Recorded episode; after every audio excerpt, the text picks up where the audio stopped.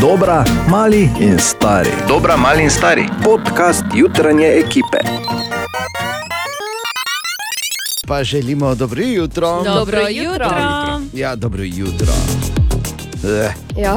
ne? Eh, To je ta občutek zjutraj. Um, tudi danes se mi zdi, da bi bilo zelo pomembno in nujno narediti enako stvar, ki si jo moral narediti kot prvo stvar, ko se zbudiš, recimo na velikonočni ponedeljek. Tako da tudi na povelikonočni torek zjutraj se mi zdi, da je nujno, da zluftaš.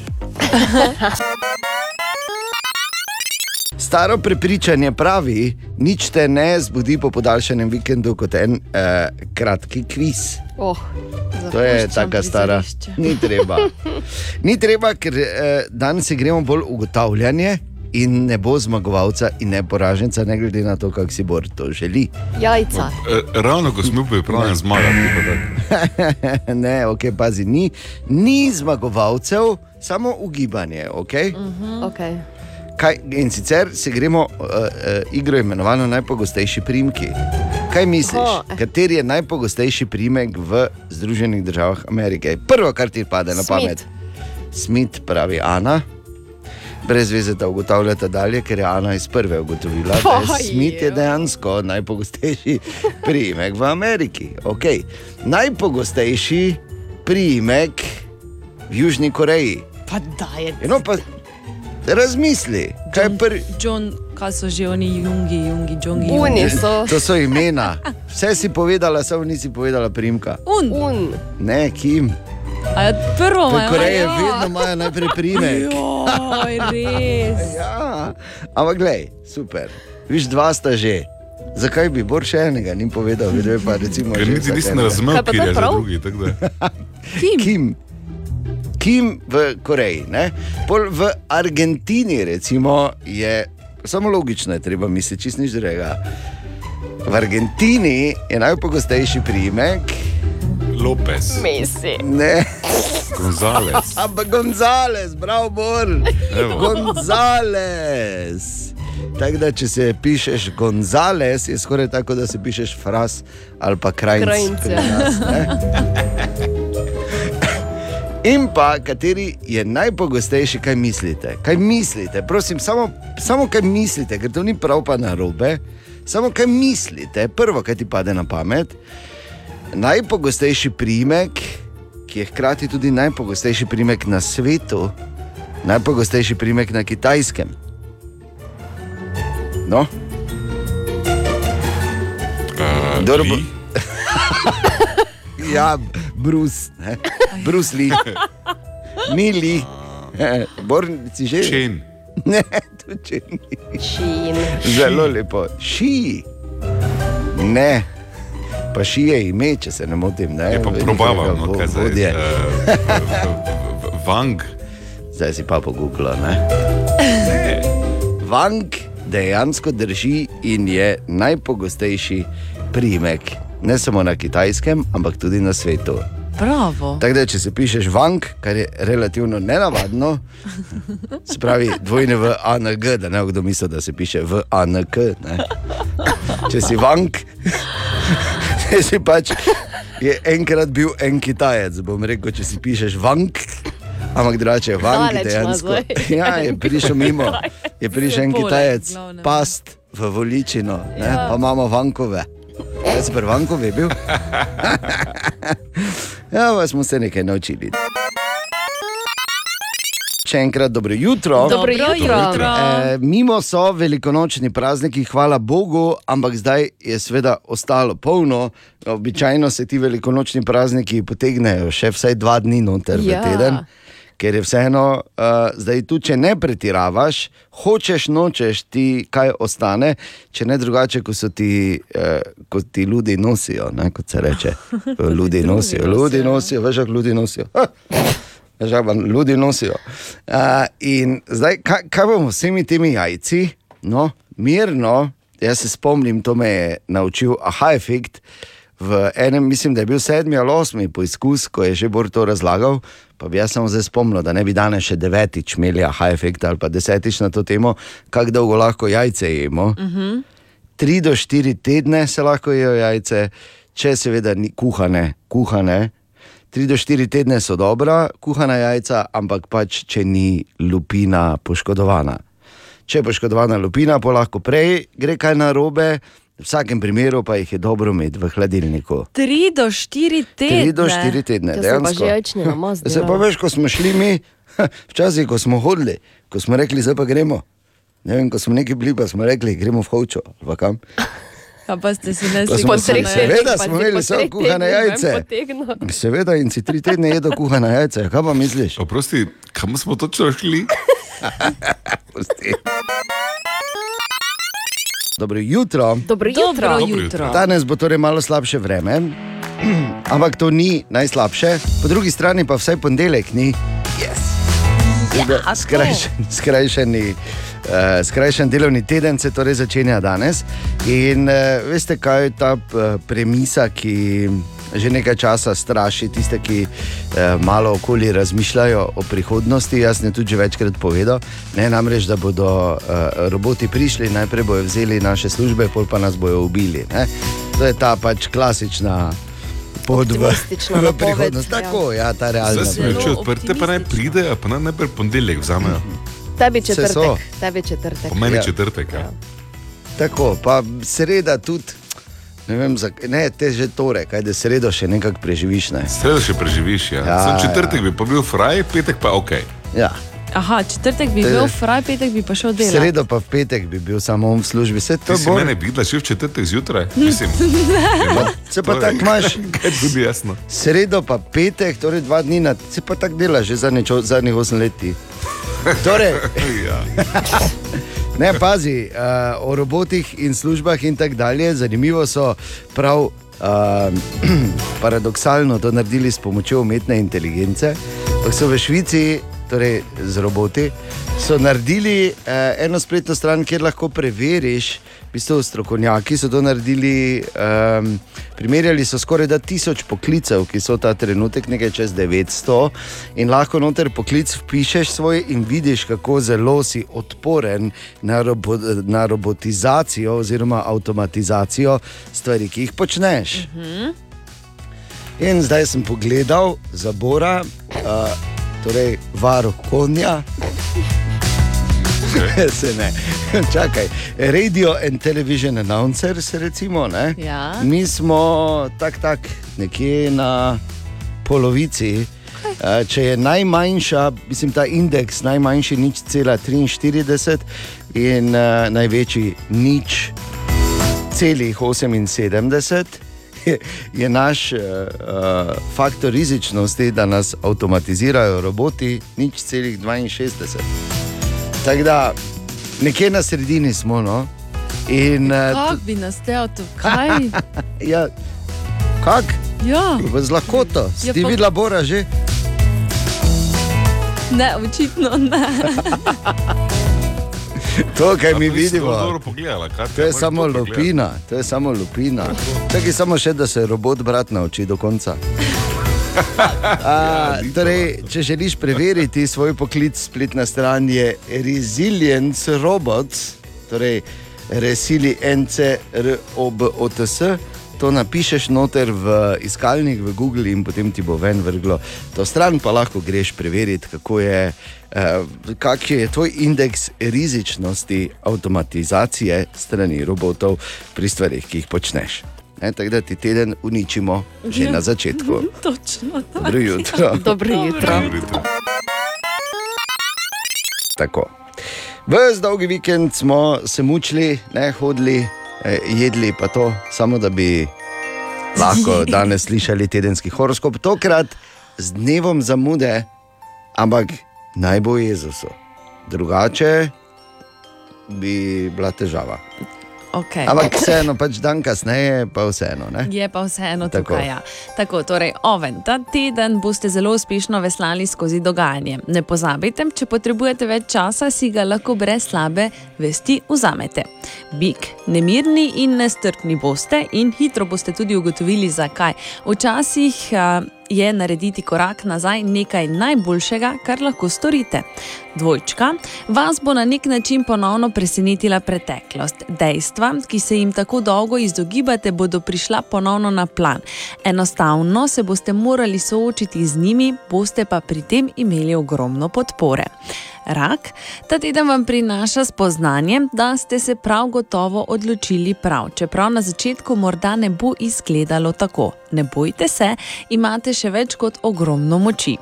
Lev, izjemno produktivni boste, zelo hitro boste zaključili z vsem, vsemi svojimi projekti, zato vam bo ostalo še ogromno časa za uživanje in pa sprostitev. Devica, podajate se na novo pot, ki vas bo ogromno naučila. Prav tako boste na njej spoznali veliko novega. Ne prestrašite se, sprejmite nove izzive. Tehnica, čas je, da si končno priznate, kaj je tisto, kar si zares želite. Ta teden bo do tega spoznanja pripeljal zanimiv sogovornik, s katerim boste našli marsikatero rešitev. Ja, je Bor tak za trenutek tako gor pogledal, ne?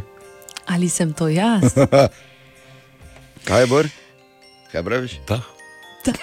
Čeprav si že tam ostal, veš, stopiti korak nazaj, ne? Ja, tudi to znam, veš. Ja, ampak ne, to sploh. Veš, kje je Eh, bilo že to? Dobro. Ja, povezal sem, ne? Razumem, razumem. Ti, ker, je. To je ker iz vsakega vzami nekaj, ja, tako je Najboljše. najboljše. Ja. Eh, Škorpion, neustrašni boste, svoje čute in zaznave boste še bolj izostrili, kar bo v vas dvigalo določeno mero privlačnosti. Velika možnost je, da najdete novo ljubezen. Strelec, ogromno novih priložnosti se vam ponuja in bolj kot kadarkoli do zdaj boste pripričani v to, da ste prav zares na pravi poti, brez da- zadržkov in omejitev boste. Kozorok, veliko boste razmišljali, morda celo malo preveč. Čas je, da svoje razmišljanja pretvorite v dejanja. Dobili boste nepričakovan namik. Ja, kak Kaj? moraš, kak moraš paradajz flancati. Jo, ja, ne spominjam, zdaj bo počasi. Vodnar, začetek tedna bo zelo intenziven in okoliščine vas bodo ponovno upozorile na stvari, pri katerih eh, ste morda malo zaspali, vse boste pa hitro znali prilagoditi. In pa ribi, spodbuda in pritisk, ki jo boste deležni, bosta prišla ob pravem času. To bo enkratna priložnost, da dvignete svoj nivo delovanja in tako bolj pogumno zaplavate proti izzivom. Dvigniti, kam še te lahko dvigne, se pa on je gori, cel cajt. Ni, Bor, Dvigne, ne, ti ne, je, jaz ne razumem. Ojoj. pa to ti pravim. Jastriček, tu, tu imate, liziko. In na kratko naj vas povabim v pravljico. V pravljico, v kateri se vsak briga za sebe, je strpen do sočloveka in pozna svoje družbena omrežja. Kar seveda ne bi mogli ti. Pozna svoje družbeno In mrežo? vsak pozna svoje družbena omrežja.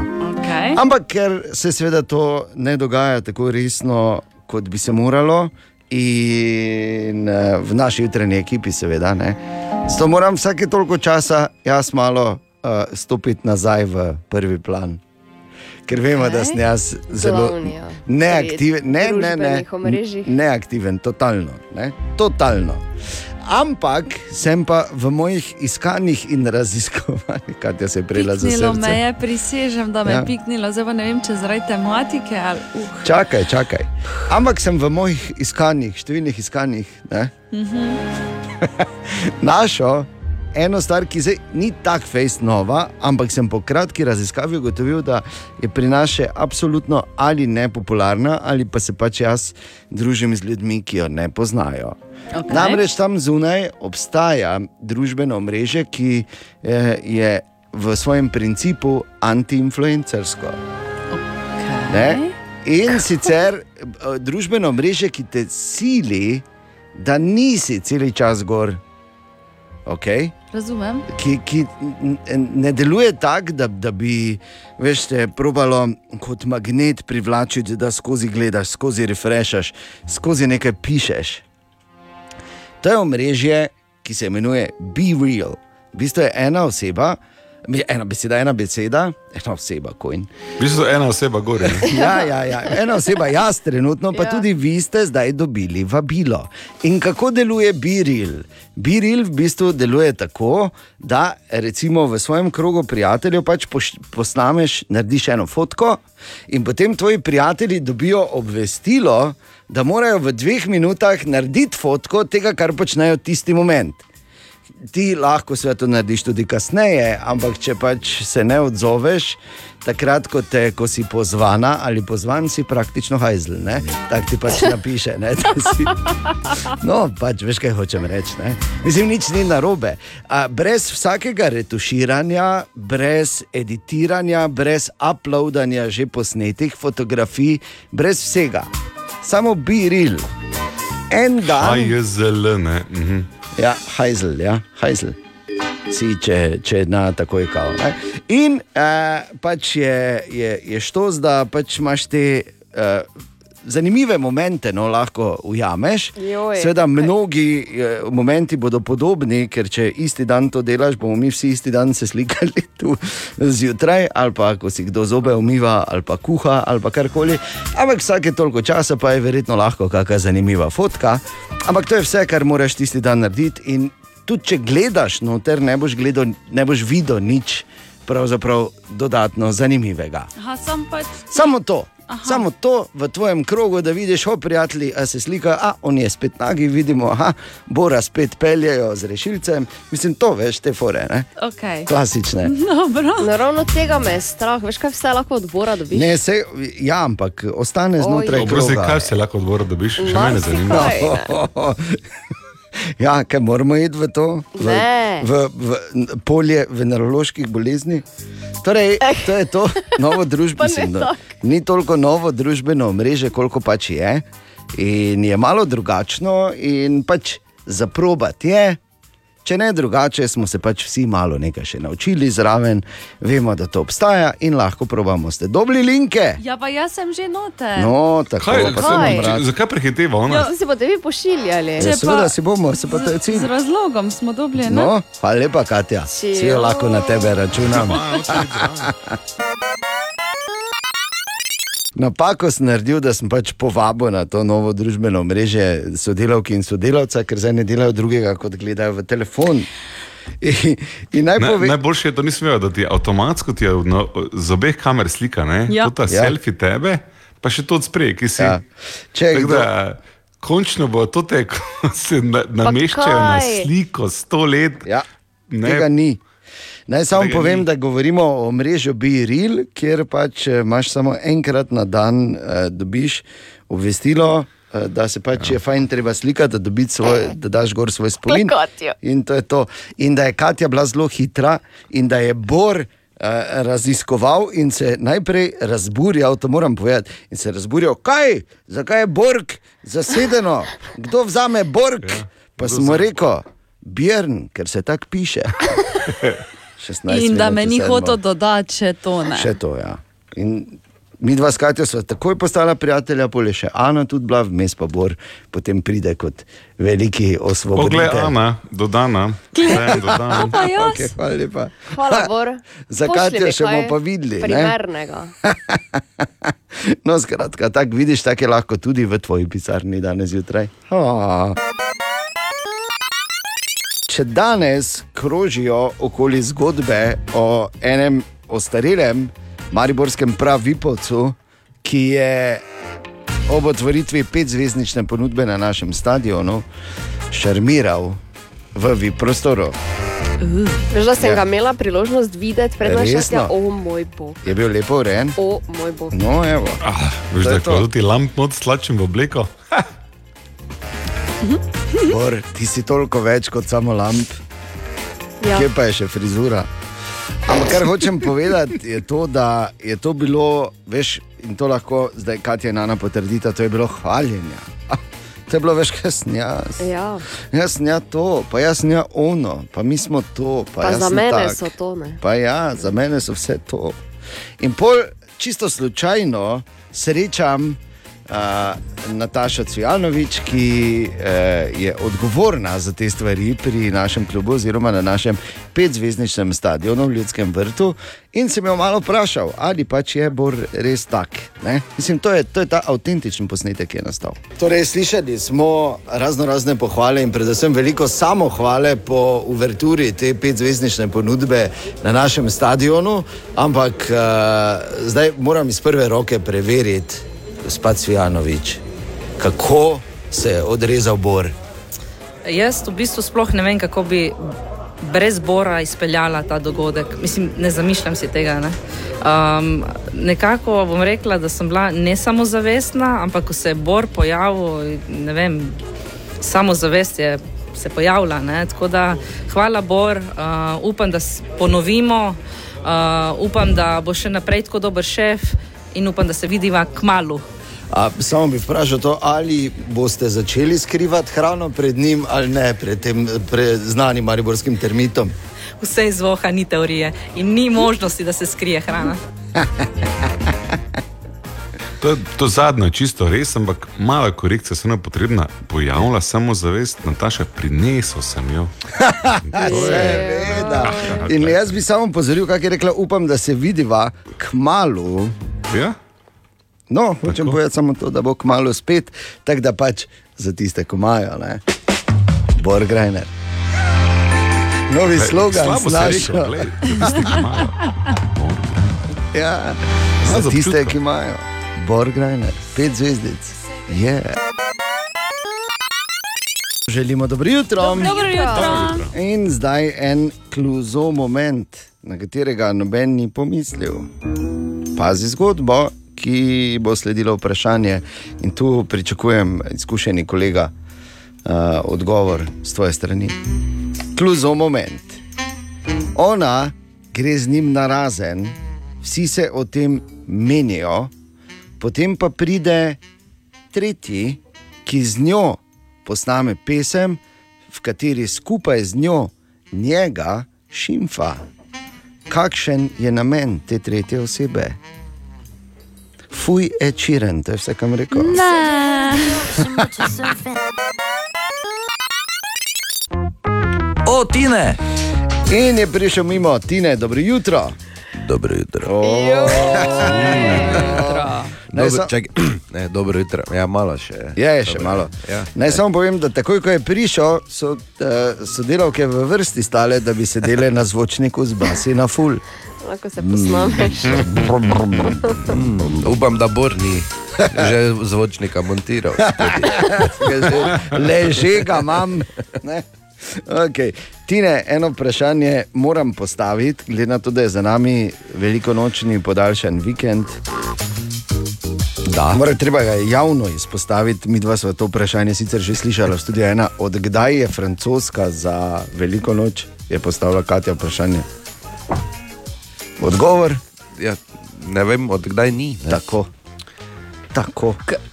Ka, še Drla enkrat, sta Katja, me še enkrat te vprašam, ali lahko za njegov rojstni dan jemo na njegov vstajenje dan, pa ne smemo, ali kaj? To je v bistvu drugi rojstni dan njegov. Ne? Pravi. Zak, ja. Zakaj ne bi smel francoske jesti in na prvi, in na drugi? Jaz nisem rekla, da je ne smete jesti. O, ja, si rekla. Vprašala sem, odkdaj se je francoska za Ker Pravi, moj ata je ne šel, moj ata je šel korak dalje. Biftek je kupil. Le, jaz, jaz sem za. Jaz sem za. Tako da pol eh, 24. 12. nesemo jajca eh, zraven crkve. Ali ti ne ješ jajc zraven, ko ješ biftek? Ali jaz hodim v cerkev? Ne, jaz nikoli ne jem jajc. Ne vem, če ste opazili, ampak Ko s nami vunto. Ampak v petek, jaz sem celo razmišljal, da bi šel pogledat, kako izgleda na žegnu, pa je začelo grmeti v petek, tako da sem si pol premislil. Rajši nekače ti zmoči. Ne? Je bilo sporočilo dovolj močno. Ja, dovolj močno. Kaj, kaj imaš za danes, Tine? Um, o Barbiki smo že marsikaj slišali. Da. Da. Če bi Barbika bila resnična oseba, z vsemi eh, merami in vsemi, ne, kaj pač kako zgleda, ne bi imela dovolj maščobe na sebi, da bi lahko menstruacijo imela. Take so jo suho naredili. Kaj si? Te pa ni čudno, da so vse čez Ja, ja, je. mešane. ne. Ja, Ja, tako je, pa čisto v vse domove babuške. Babuška naj bo edina lutka. Mogoče zdaj ta Babuške. moment glih ni za babuške, ampak Je, ok, ne vem, bom- no. Te počakaj malo z babuškami, dobro zdaj. Okay. Te pa res imaš. Ja, pa Joj, bor pa imaš res. Gremo dalje, Gremo z dalje, ja. komadom, raj, ker da zagrnemo to. Joj. Ura je 7:41 minut in želimo dobro jutro. Dobro jutro. Aha, aha, aha, efekt. Torej, Bor odgovarja na vprašanje, ki se glasi, zakaj je hren hudi. Še nekdo sabo privlekel, ne? Zakaj je hren hude? Ja, zakaj je hudi? Ko rečemo hudi, ne mislimo, da je jezen, da si mu na nogo stopil, ampak da ima tako oster, pa pekoč okus, ne? Ja. ki se, pazite, izrazita šele ob lupljenju, rezanju in strganju. Ker koren sam po sebi nima nobenega vonja. Ko pa lupimo, režemo, strgamo, pride do aktivacije encimov, ti povzročijo pretvorbo glukozinolatov v korenu v lahko hlapne žveplove spojine. To pa zaznamo kot oster in pekoč von, ki potem draži sluznice oči in nosu. Ja, če ste mislili, kak je v peklu, tako je, ne, približno v eno. Sveže nariban hren v oke. Ja. Je pa res ne, da ima dozi vitamina C, kali, baker, mangan. Vse ima, je. vse, vse, vse. Ja. ja, pa hudič je, ne, kot se reče. Hmm. Tako da, hvala lepa, Bor. Tak je peklo. Ali tudi vi pogosto totavate v temi? Aha, efekt, da boste vedeli več. Dobro jutro. Dobro, Dobro jutro. In zdaj eh, še ena informacija o tem, da bomo vedeli, oziroma to informacijo bi lahko imenovali, čakaj, moram malo drugače to narediti, koliko jemljajo. torej, To koliko jemljajo. Naj povem, da Apple in Google v svoji trgovini jemljeta 30 odstotkov. Ne, se pravi, če ti prodajaš na App Store ali pa na Google Playu karkoli, kar stane en evro, od vsakega prodanega evra dobiš zgolj 70 centov. Ok, Google toliko jemlje kot Apple, nisem vedel. Ja, 30 odstotkov jemljeta oba. Tako je pač zmenjeno, zgleda so se zmenili. Okay. Ni bilo isto. In vstopi meta. Jo. oziroma Facebook, bivši tada.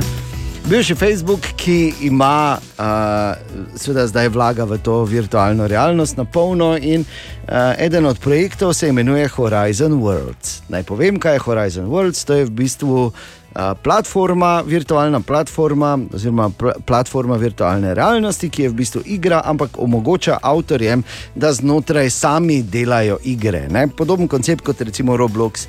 Samo da je virtualno, okay? mm -hmm. da rabiš tisti okulus in da moraš pač bla bla.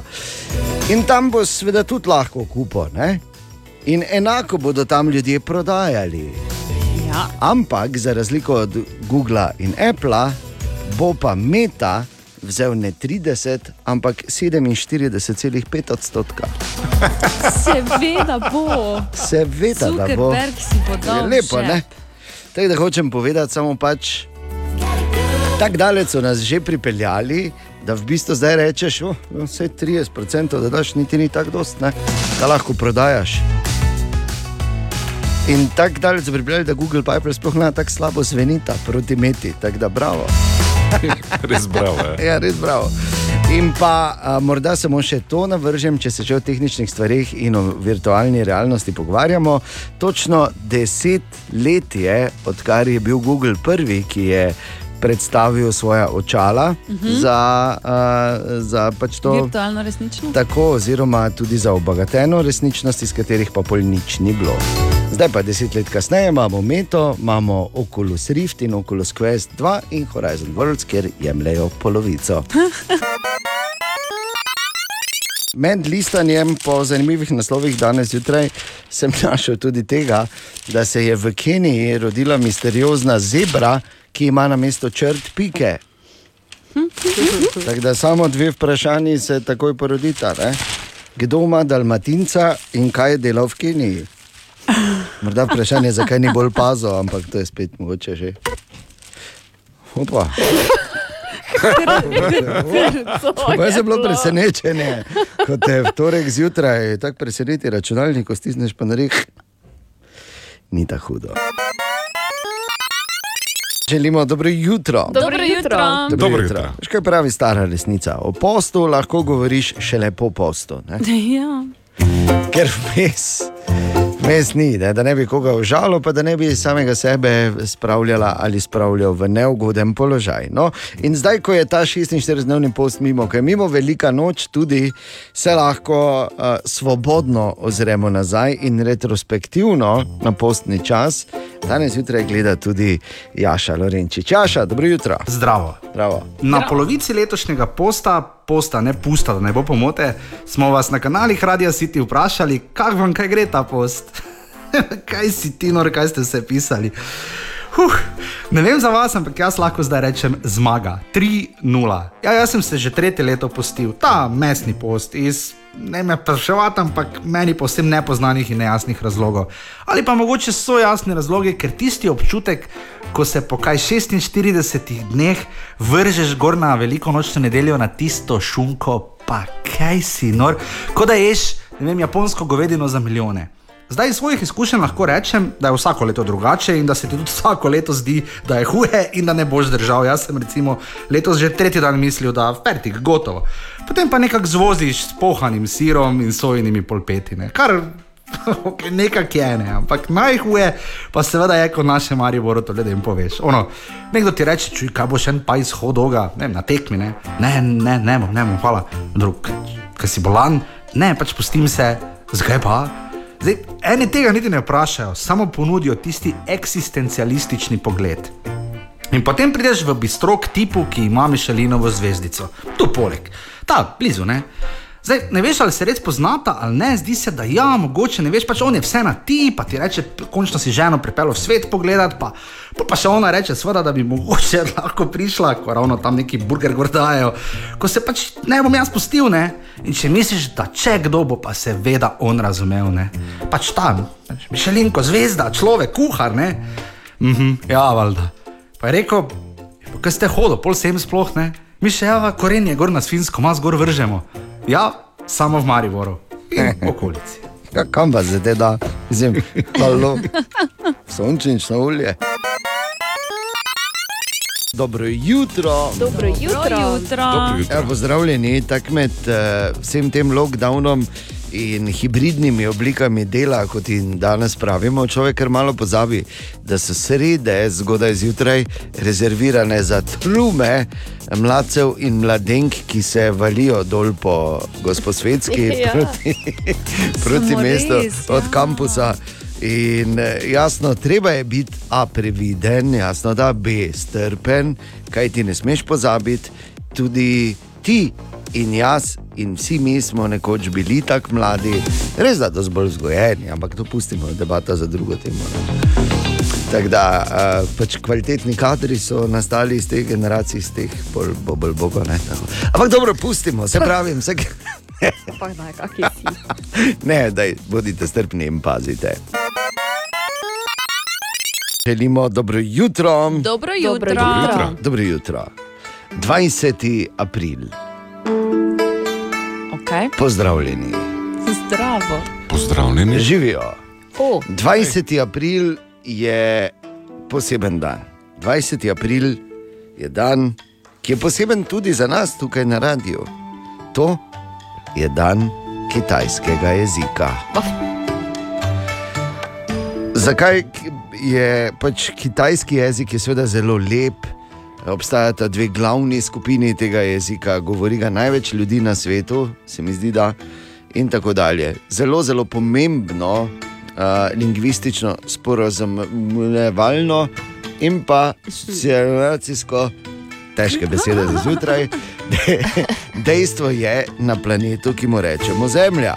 Ampak ker je hkrati tudi daleč od nas, tako lokacijsko, kot uh, po nekih zakonitostih in logiki, je tudi postal sinonim za to, da pač nekdo bodi si govori nejasno, bodi si ga težko razumeš iz katerega koli razloga. Se mu reče, kaj govoriš ti kitajsko, oziroma na, kraš, na kratko, po mariborsko, kaj si kitajci.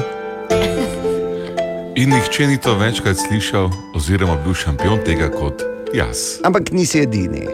Zato pravim, da je eh, dan, svetovni dan kitajskega jezika izjemno, izjemno pomemben eh, za nas na radiju. Tu je samo nekaj primerov, ko smo mi bili Kitajci, kot rečemo, ne, kaj si Kitajci. Pa ne mislimo s tem nič, absolutno nič slabega proti Ljudski republiki, Kitajski, niti ne proti številnim Kitajcem, ki so torej, razsejani po svetu. Številni tudi v Mariboru imajo super restauracije in lahko jemo originalno kitajsko hrano in smo zelo veseli. Absolutno to ni mišljeno kot žaljivo, ampak kot sem povedal. Daleč od uh, oči, daleč od logike, ne? to je pač kitajski jezik, zato je to postal sinonim. Okay. Okay.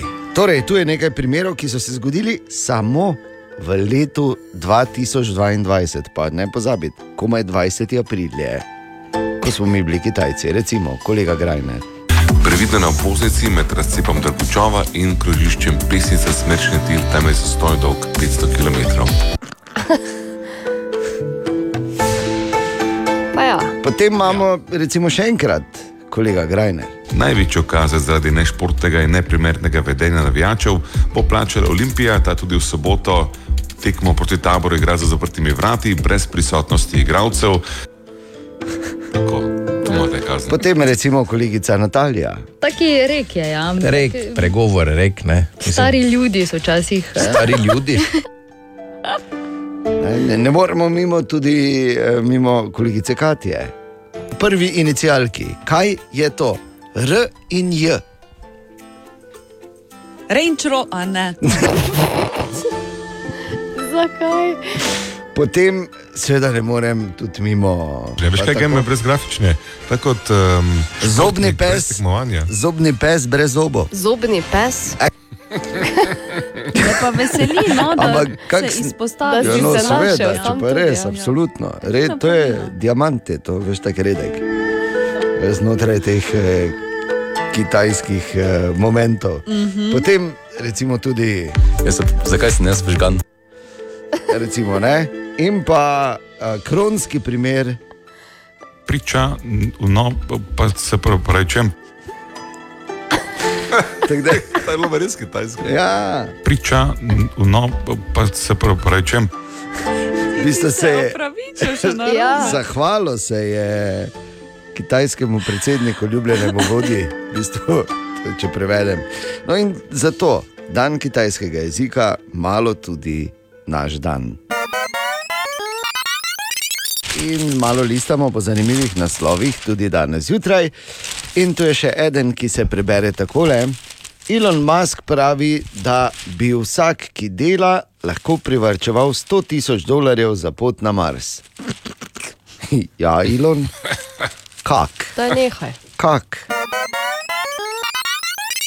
Web, web, web, web check. Dobro jutro, Katja, izvoli. Dobro jutro. Dobro jutro. Za rekordni znesek eh, so prodali koncertni plakat skupine Beatlov, seveda. Uh Mhm. -huh. 255 tisoč evrov. Si malo en kaufobor? Spet. Pa veš, da imam rad toliko, Beatle, razumem, V dnevni sobi sem en plac, Plac, taki, ne? Levo od mojega Rembrandta, pa smisla, kaj gre zraven. Daj, kamen. Beatli v okviru, ne? Ja, hecate, Katja, verjamem. Ja, kaj te heca, se, ker Ne. če smo enega Rembrandta, potem bi mi vsi Ne bi bil tudi. na balju. Okay. Kaj okay. še? Japonci imajo nove jedilne palčke in sicer pametne jedilne palčke. Dobro, tudi to je bilo vprašanje časa, kdaj se bo zgodilo na japonskem. Res je, Čisto realno. so Z WC, realno. palčke so brez sedaj logični korak. Torej, na nek taki mali računalniček eh, so povezane, ki ga nosiš v bistvu na zapestju Ja, in uh, ti povečujejo okus slanosti. virtualno domnevam. Virtualno, ampak ti dejansko imaš feeling, da je hrana bolj slana. In, bolj, o- in bolj dejansko poješ manj slano hrano in si bolj Tako, zdrav. Tako. A, Ne vem, kako Kaj pa delujejo jim sicer. uspe to, ampak- ka- mislim, ja, kaj vem. so v zapestju povezani? Ne vem, Bor, pač Obstaja je. nekaj, verjetno je Nočem kakšna točka. Kakšna točka, veš, ko te malo Ja, ja, ja. pokicla, pa imaš ti občutek, da je slano. Malo te počiga. Imaš pa tudi druge točke, še ko te kiclajo, samo ne bi zdaj o tem. Okay. In pa Lizo ima novega fanta, A, to je tista uh, malo močnejša uh, pevka. pevka. Ja. In naj oganem, fant je pa droben in suh. ne veš, kaj bi rekla. Ne? Ja, Ne, res ne vem. Ne A, ne veš, vem. okay. ker, Če je, ker če je, se jaz spomnim ene zgodbe, leta nazaj, bilo je v Egiptu in bila sta dva slovenca, ne bom povedal iz katere pokrajine, ker pol bojo spet govorili.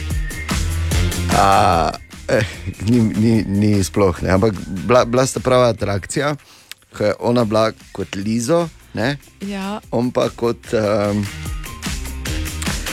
pač, Kot da Ja. jaha za denar, se razumeš, pač, kot da je joki. ne. Razumem. Ja, razumeš, pač zroben fantič in ga je potem ona tako nosila, zaljubljeno po bazenu, veš, v naročju. Lepo je bilo. Tako mali, je bilo. tako malizo, verjetno. Ah, Zgini slika z misli. Prosim, ja. Webček.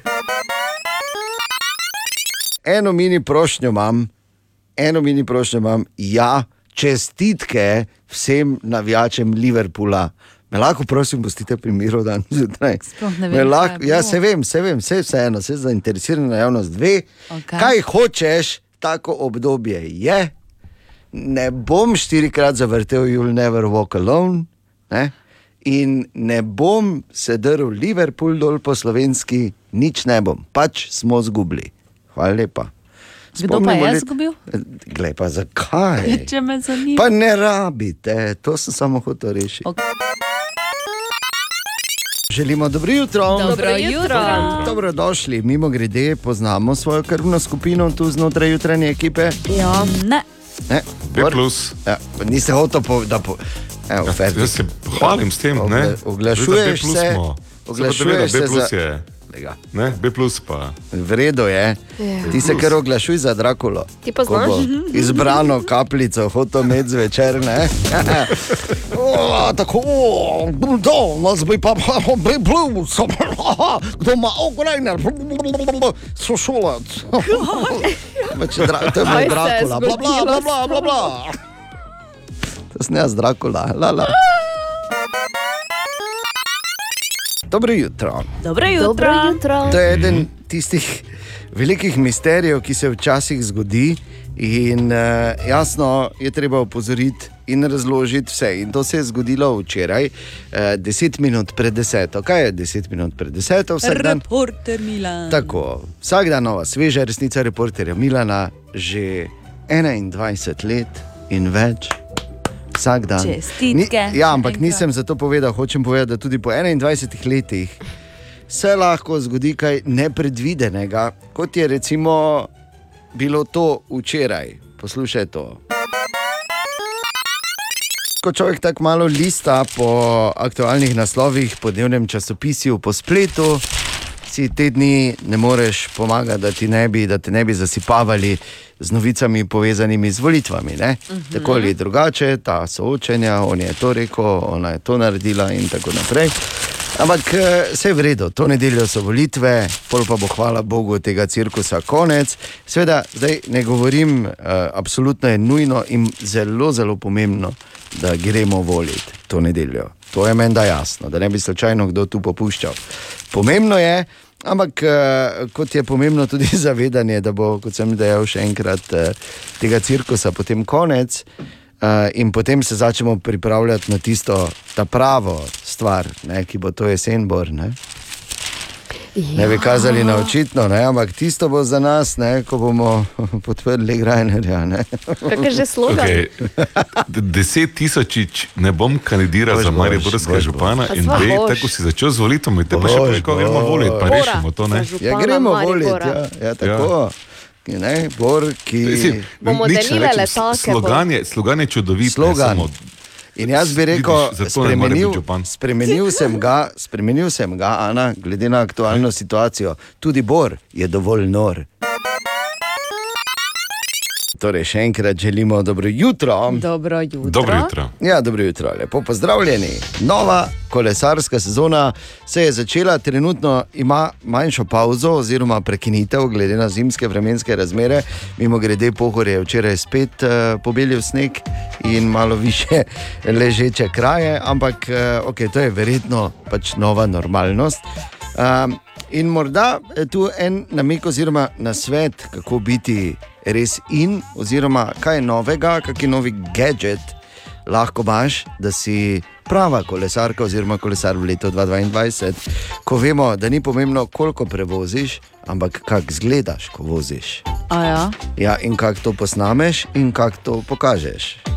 To je nekaj, proti čemur se seveda beli rajdersi borimo, ampak to je ena druga zgodba, ta trenutek. Riders! Tako, Oj, hvala. kako sem se strašila. Ja, Ja, Bor. Uh, torej, recimo, da si in, in veš, kaj se ti zgodi, da se ti mogoče malo sprazni kolo, ne zdaj, da se ti, ali pa tudi, če imaš predrto, imaš seveda kot izkušena kolesarka ali kolesar zraven.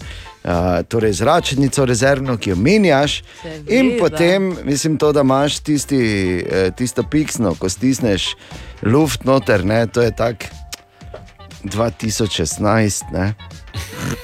2022 je mini električna pumpa, ki jo doma napolniš, ima mali kompresorček, da šnotne trrrr, ks,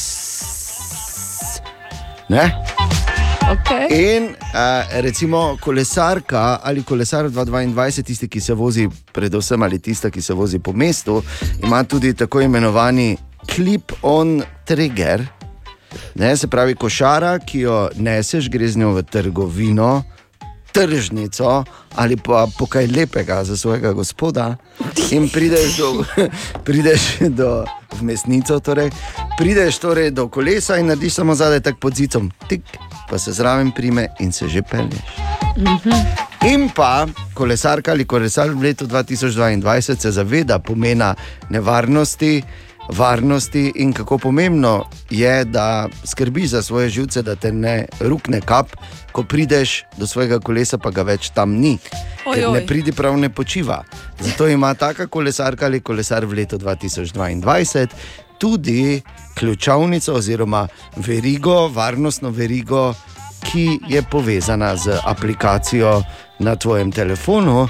In kadarkoli se karkoli s to verigo zgodi, bodi si da se že premakne, kaj šele da jo kdo poskuša odpreti, dobiš tudi obvestilo na telefon, kar pomeni, da lahko z srednje hitrim korakom greš do kolesa, ujameš zlikovca in mu motno.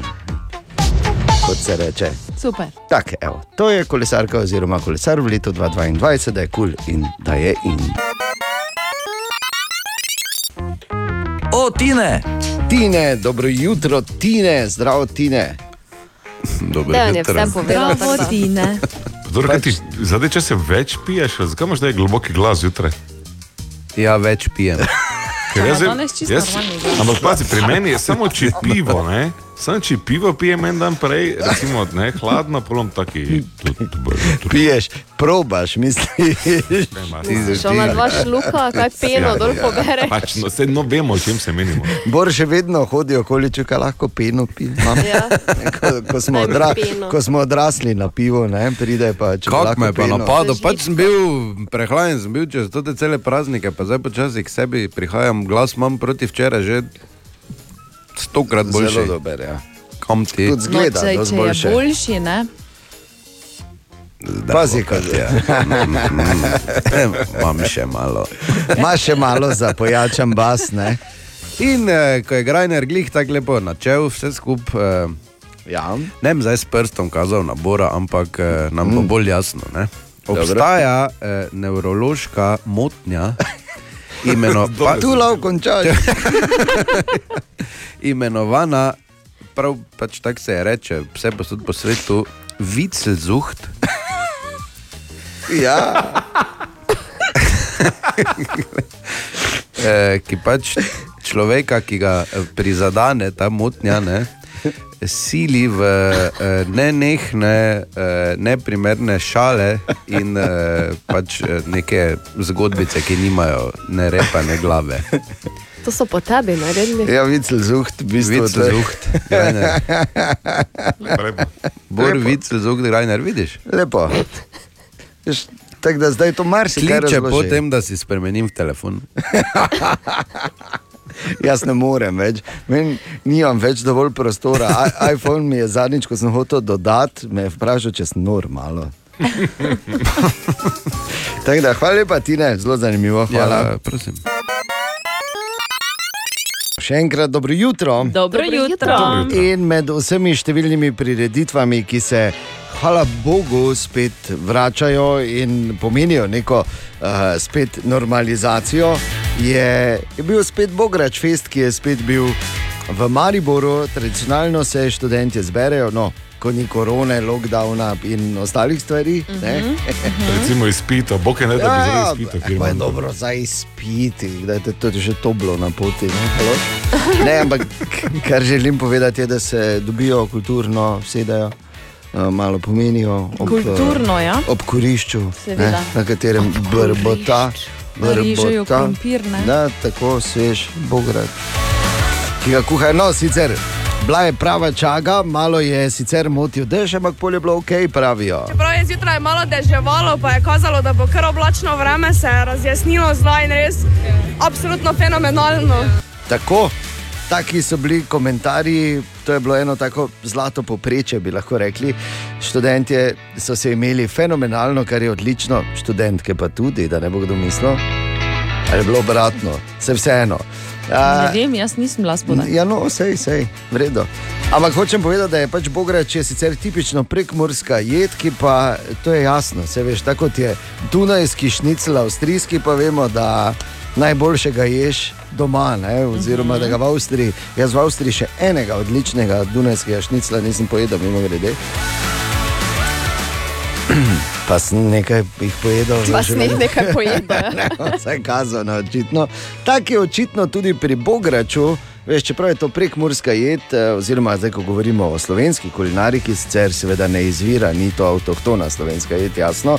Ampak vseeno uh, niso bili prekmurci ti, ki so bili najuspešnejši, ampak kljub mariborskih študentov, tako da je zmaga ostala doma. Kot se seveda spodobi, in uh, predsednica Vanessa je povedala, kakšna je torej bila posebnost njihovega zmagovalnega bograča. Glavna sestavina je definitivno vtrganost, ker potem mi um, pač živimo, to je naš slogan, to je naš, eh, naš namen, kako naj rečem, in se res trudimo v vsaki stvari, ki se jo lotimo, to vtrganost prikazovati. In to je bil tokrat tudi naš bograč, ne, naj rečem. Okay. Sicer me je zdaj malo strah za našo prihodnost, ne, če je glavni namen vtrganost. Ampak, ko tako pogledam, to niti ni tako zgrešeno, to je namreč ena od glavnih odlik našega mesta. Tako da, Bograč Fest je mimo, čakamo nove prireditve, eh, da jih obiščemo in da seveda spet zmaga ostane doma. Ne? Pač to je edino normalno. Pa dobro jutro. Dobro Dobro jutro. jutro. Na sredo 20. aprila. In to najprej dobro jutro, seveda. Ne? Dobro jutro. Dobro. Jutro. A, kar uh, boš slišal ali slišal zdaj, to ni navadna zgodba. To je zgodba iz ulic našega mesta, kjer lahko slišiš vse mogoče. In običajno te stvari sliši kolega Grajner.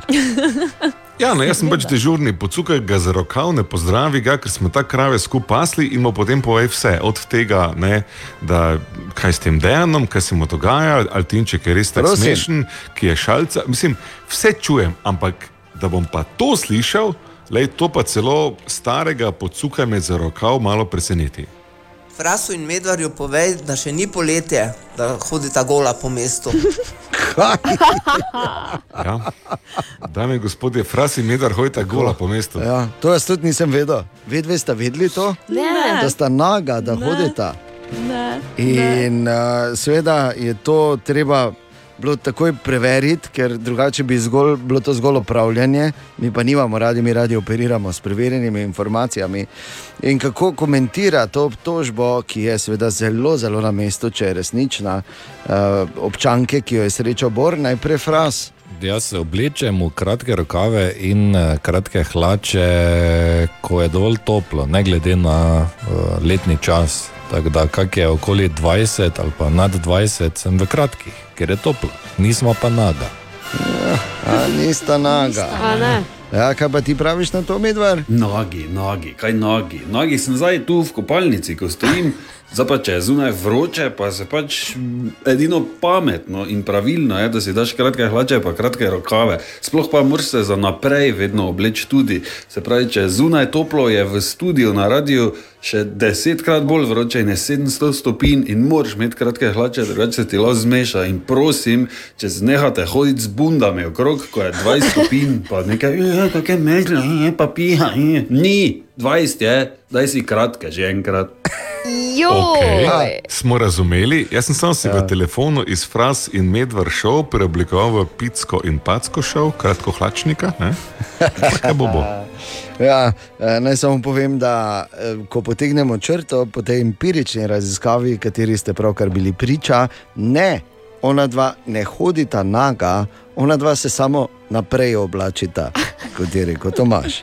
Frasi medvar še vsak dan po drugi uri pri nas na radiju. Katja, Ana, Borin, Dejan smo tu in želimo dobro jutro. Dobro jutro. Dobro jutro. In eno stvar pa lahko povem in sicer, če bi Madonna, pre, prevzamemo, če bi Madonna bila Mariborčanka ne, in bi ustvarjala v Mariboru, bi bil naslov tega legendarnega komada Pleh Pitka. Ampak ker ni, je material girl.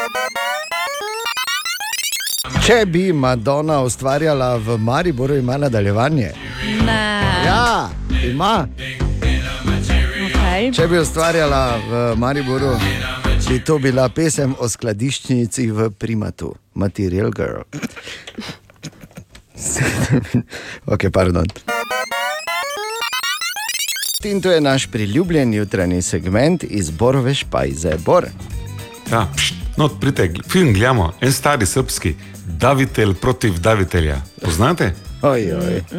E, Ja, ja, Starejši se boste spomnili tega legendarnega filma v prevodu Davitelj proti Davitelju, ker tako nekako se počutim zdaj v luči zadnje afere Mariborskega župana z otroci in teniškimi žogicami. Ne vem zdaj, kdo je koga točno držal za vrat, ampak organi pregona bodo to razjasnili, lahko bo padla ovadba, kakšna kazen, lahko da ne. Osebno ne čutim nobene potrebe, da branim župana, hkrati pa tudi vem, kakšni znajo biti neozgojeni mulci danes. V vsakem primeru to je stvar policije, potencijalno sodstva, teh ja, ne pa ulice in ostalih politikov. Ker to, kar mene najbolj davi v celi zgodbi, je, da je tudi to, kot čisto vse v času pred nedeljskimi volitvami, mora biti top politična tema. Četrtek, želimo dobro jutro. Dobro Dobro jutro. jutro. A, V preteklih dneh smo se veliko pogovarjali, zara, žal zaradi eh, dvojnega smrtnega primera na naši avtocesti, tukaj blizu našega mesta, o vožnji v nasprotni smeri na avtocestah. In eh, kar je še vedno zelo, zelo zaskrbljujoče, da se v Sloveniji to praktično zgodi, čeprav se ne poroča o tem vse skozi, ampak se v Sloveniji to zgodi vsak tretji dan. Si lahko mislite, vsak tretji dan po prečju, ja, nekdo zapelje na avtocesto v nasprotno, nasprotno smer. Uh, zato je seveda izjemno, izjemno pomembno, ker nikoli ne veš, kdaj se to lahko zgodi tebi, se nekaj zamisliš, tisoč in enkrat se pelješ prav, tisoč in drugič pa narediš napako. E, jaz dvomim, da kdorkoli od teh, ki se vozi, ali pa zelo, zelo manj, majhen odstotek, to naredi za nalašč. In zdaj, še enkrat, ker dobrih informacij nikoli ni preveč. Samo da enkrat, če obnovimo, če se slučajno to zgodi, in kot smo dejali, v povprečju v zadnjih letih se v Sloveniji na avtocestah to dogaja vsak tretji dan. Prvo, kar je, gremo v ta najhujši primer, da nekdo pripelje proti tebi, da ga vidiš na avtocesti. Ne? Na avtocesti lahko vidiš relativno daleč, tudi gledati moraš daleč naprej, spremljati promet in tako dalje, in predvsem ohranjati varno razdaljo.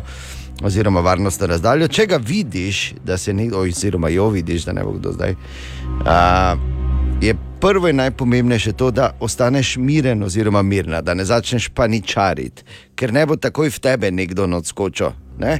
A, ker obstaja velika verjetnost, da vozilo, ki zapelje v nasprotno smer na avtocesti, da vozi po svoji desni, to pomeni po tvojem prehitevalnem pasu. Mhm. Ne, torej je pomembno, da ostaneš lepo desno, uh, na, in mogoče celo, da greš na odstavni pas, da vklopiš vse štiri blinkerje in uh, da pač signaliziraš z dolgimi lučmi uh, temu, ki se pelje, da zazna, da se pravzaprav vozi v napačni smeri. A, potem je naslednje, da recimo slišiš nas na radiju, da ti povemo, da pozor, na tem pa tem odseku se nekdo vozi v nasprotni smeri po avtocesti, v tem primeru a, pač enako. Uh, začneš voziti uh, počasi, oziroma počasneje, greš uh, čist desno, ne prehitevaš, imaš dovolj veliko varnostno uh, razdaljo, greš na odstavni pas in če je le možno, se omakneš na prvo počivališče in seveda tam počakaš, da, da nevarnost mine. Uh, če pa vidiš, um, nekoga, ki se pelje in še ni nobenega obvestila bilo, potem je pač pomembno čim prej eh, poklicati policijo na 113 ali pa prometno informacijski center za državne ceste na številko 1970. To je mimo grede skoraj tista letnica, za katero se bolj laže, da se je rodil. torej, tis, eh, to sta dve telefonski številki. Fajn je, čeprav je ne mogoče, da to kot šofer narediš, ampak če imaš sovoznika ki, ali sovoznico, ki je sposoben ohraniti mirno glavo, da si zapiše registrsko številko in da se to vse javi, se pravi ura, kraj, registrska. Tako da uh, tudi kot uh, sopotnik oziroma sopotnica imaš pomembno vlogo pri reševanju težke situacije, če slučajno do nje pride. In še enkrat, na slovenskih avtocestah se eh, v zadnjih letih to po statistikah dogaja približno vsak tretji dan. Tako da res previdno in eh, jaz vem, da vedno ne moremo misliti na vse, ampak ko smo za volanom, prav vedno, sploh pa na avtocestah, dajmo ne misliti na karkoli drugega. In eh, ko malo človek lista, danes na vse zgodne naslove, najde tudi tega, da eh, danes praznuje na nek način Rim, kajti na 21. april leta 753 pred našim štetjem je bilo ustanovljeno mesto. No, takrat je bila seveda to bolj vasica kot karkoli druga, uh -huh. ne, ko sta uh, Romul in Rim uh, ustanovila Rim. Kasneje seveda, je bila to grozna in žalostna zgodba. Najprej si nova vokulje, ki jo je rešila, na to jo je vzgojil pastir. Uh, veliki bratski ljubezni sta živela, bila največja prijatelja, pol pa se je zgodil bratomor. In eh, na nekako osnovi tega, oziroma na teh temeljih, je na to eh, postalo to največje, eno največjih mest v zgodovini človeštva. Tako da, Bor, če bi enkrat za vse razložil, kaj sta imela. Pa, veš, kak je, ne? Tu ne rabiš odgovarjati, za res veš, da je to bilo retorično. No, stop, te, ja, glej, pa res je. ne. A pri seskih se je začelo. Ja, običajno se tam začne. Seskih, torej. Običajno je vse, je vse o seskih, oziroma zaradi, imaš prav, imaš prav. Web, web, web, web check. Katja, dobro jutro. izvoli. Dobro jutro. jutro. Dobro jutro. Torej, projekt eh, Washed Ashore, ki se v bistvu od leta 2010 že ukvarja s problematiko plastike na plažah, je očistil že več kot 500 km plaž in nabral, pazi, 35 ton plastike. Wow. To je po eni strani zelo lepo, ne? po drugi strani pa žalostno, da je moral Zaskrbljujoče, toliko ja. nabrati. No, so pa Če ne bi več metal, Bor, prosim, lepo. Pa daj. Ja, pardon, gledaj, svojih, pade, veš, kam svojih potovanjih po plažah. Ja, pardon. No, so pa teh 35 ton plastike spremenili zdaj v ogromne plastične strukture živali. Lepo. Vidiš.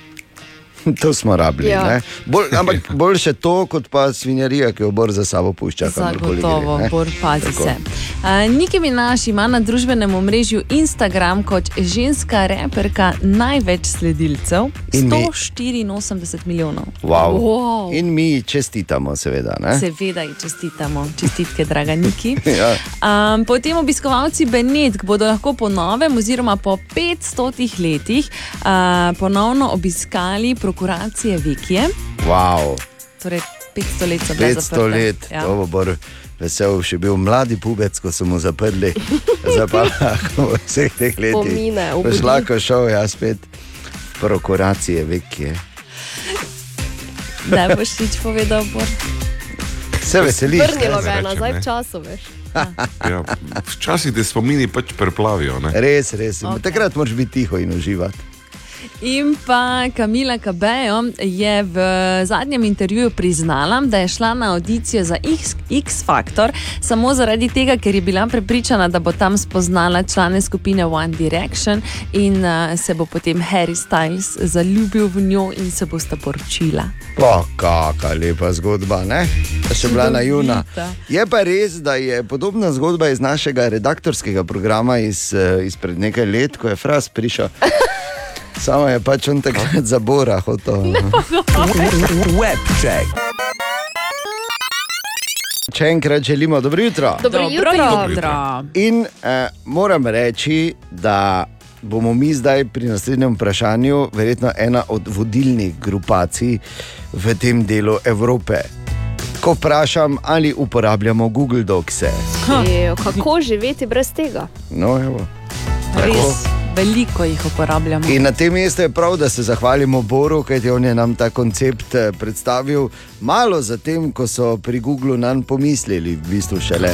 Kaj? Hvala, Malo zatem. So, jaz sem preko Blaža na Google ta koncept njim prodal. No, ok. Ah. Ja. Preko Blaža na Googlu je to. Pač. Veš kaj, Vsak... vsak Te veste, da moj sošolec iz srednje dela na, Ja. v Palo Alto. Je o tem nov, smo glej. govorili. Res je. izdati, res. Veš kaj, vsak Google ima svojega blaža in vsak blaž ima svojega bora. Bora, ja. S tem, da v tej zgodbi je Bor Ne, zelo ponosen. Bora. Ja, Ne. tako, tako. Ja, ja. Je, no, vse to smislo. Uh, s tem, da v tej zgodbi je Bor zelo ponosen na blaža, blaž pa se dela, da Bora ne pozna. Ne? Tako da pač, Res je. Okay, Google Docsi so izjemno, izjemno priročno orodje. Imajo tudi, če se ne motim, je poslovna verzija tega, ne? pa tudi brezplačna verzija. In skratka, super je, ker se vse dogaja v oblaku in imaš posod lahko dostopaš in urejaš in tako dalje. In je v, v številnih tudi podjetjih, ne samo v, med prijatelji in znotraj družine, to je eno tako mini družbeno omrežje. Tudi. No, pri Google Docsih se obeta ena novost. Ker vsi vemo, in ta bo prišla sploh prav, čeprav vprašanje, kdaj v slovenščini, ker najprej je seveda v angleščini, ampak ja. Ja. verjamem, da kmalo tudi v ostalih jezikih, oziroma tudi v slovenščini. In sicer, ker vemo, da kvaliteta pisanja je porazna. Nažalost. Kvaliteta eh, torej, pisane besede, literarnega ustvarjanja znotraj jutrne ekipe porazna. No, zjutraj jutranje ekipe ni. Ja, no, ja, o, ja, pa je. In uh, to se bo spremenilo tudi posod drugod, ker pri Google Docsih uvajajo tako imenovano roza črto. Ja, se vem. Ne, pač. Tako, ampak, ko boš napisal neko frazo, ti jo bo počrtalo za roza črto. In če gor klikneš, ti bo Google sam predlagal, kako bi lahko to frazo zapisal lepše Oh. in bolje. Tako da kmalu, kmalu pričakujemo literarna dela v kratkih sporočilih, tudi v našem šovplanu. Zakaj pa roza ravno? Ker rdeča je zasedena. Tako, vprašaj. Ja, pa ne, vpra- če- Glej, res je. ne. Vprašaj Blaža, mogoče pa je, ko so se za barvo odločali, lepo mislo na te.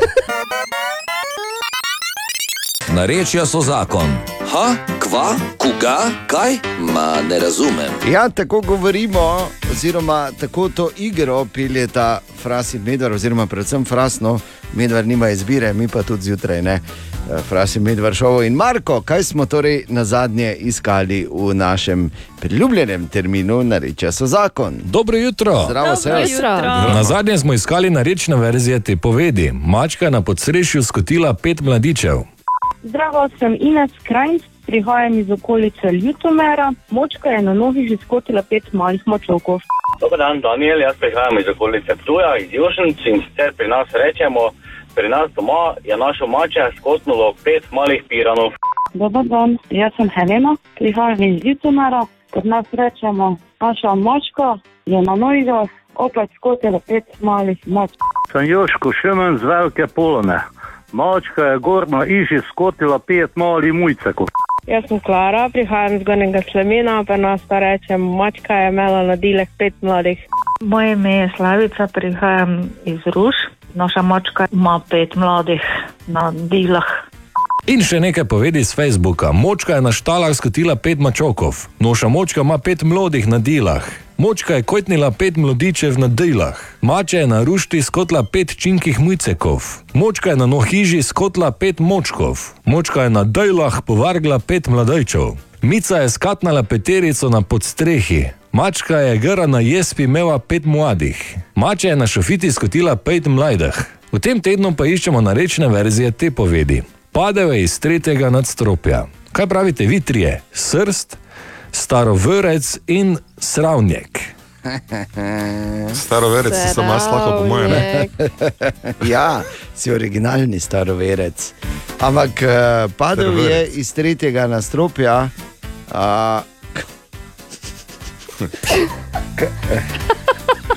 ne samo povem, da to zanima. štuka. Nima to veze Ne, s tem, ampak veze. eh, moram povedati, kaj se je zgodilo. Namreč eh, Katja je prinesla polno džezvo sveže skuhane kave in je vmes mene gledala nekaj in hotela nekaj povedati, in tako šla z roko proti miški, sfalila miško in primla direktno pisker vroče kave in tako naredila. "Ble, ble." Tišini, seveda. Ne? V tišini, seveda, Ja, ja, zvok si je izklopila. Tako da, dobro, ne? Tako da, mogoče ne bi bilo slabo, če bi padla z tretjega štoka, kako gledaš. No, malo boljše, mogoče. Okay. Marko, kaj si nam pravzaprav rekel? Srst je dlaka, starovrec je pripadnik pravoslavne vere, sravnjek pa je stranišče. Dobro si rekel. Glej, ja, naš eh, pravoslavec zvoj vodine. Torej, ne, ne pozabi, nareče so zakon na naših družbenih omrežjih in vsake toliko fras in medvršev po drugi. Želimo dobro jutro. Dobro Dobro jutro. jutro. Dobro jutro. Ja, dobro jutro. In, uh, danes je 21. april in danes je tudi obletnica enega od največjih uspehov v zgodovini slovenskega športa. Na današnji dan, pred 21 leti, se je namreč zaključevalo takrat eh, svetovno prvenstvo v hokeju na ledu v skupini B. V Ljubljani smo ga gostili in Sloveniji se je prvič mali, minorni Sloveniji, v bistvu po številu registriranih hokejistov, ampak po srcu pa seveda eni največjih hokejskih nacij, zagotovo, uh, nasmihal, zgod, nasmihala zgodovinska uvrstitev v elitno skupino svetovnega hokeja. Da bi se tja uvrstili, smo v zadnji tekmi proti Estoniji potrebovali res eh, izdatno zmago. No, končalo se je z eh, najvišjo zmago v. Eh, Do takrat mislim, da ker še nobenega na uradni tekmi nismo ruknili 16-0. Največ eh, zadetkov, pet je na tekmi dosegel Ivo Jan in to je morda samo, da se skupaj spomnimo tega momenta, ker ali si bil bila na tej tekmi ali pa si jo kot denimo jaz gledal po televiziji, tega se absolutno ne pozabi. Rodnik krenil. No, priložnost za Jana streli. 16 proti nič. Ivo Jan.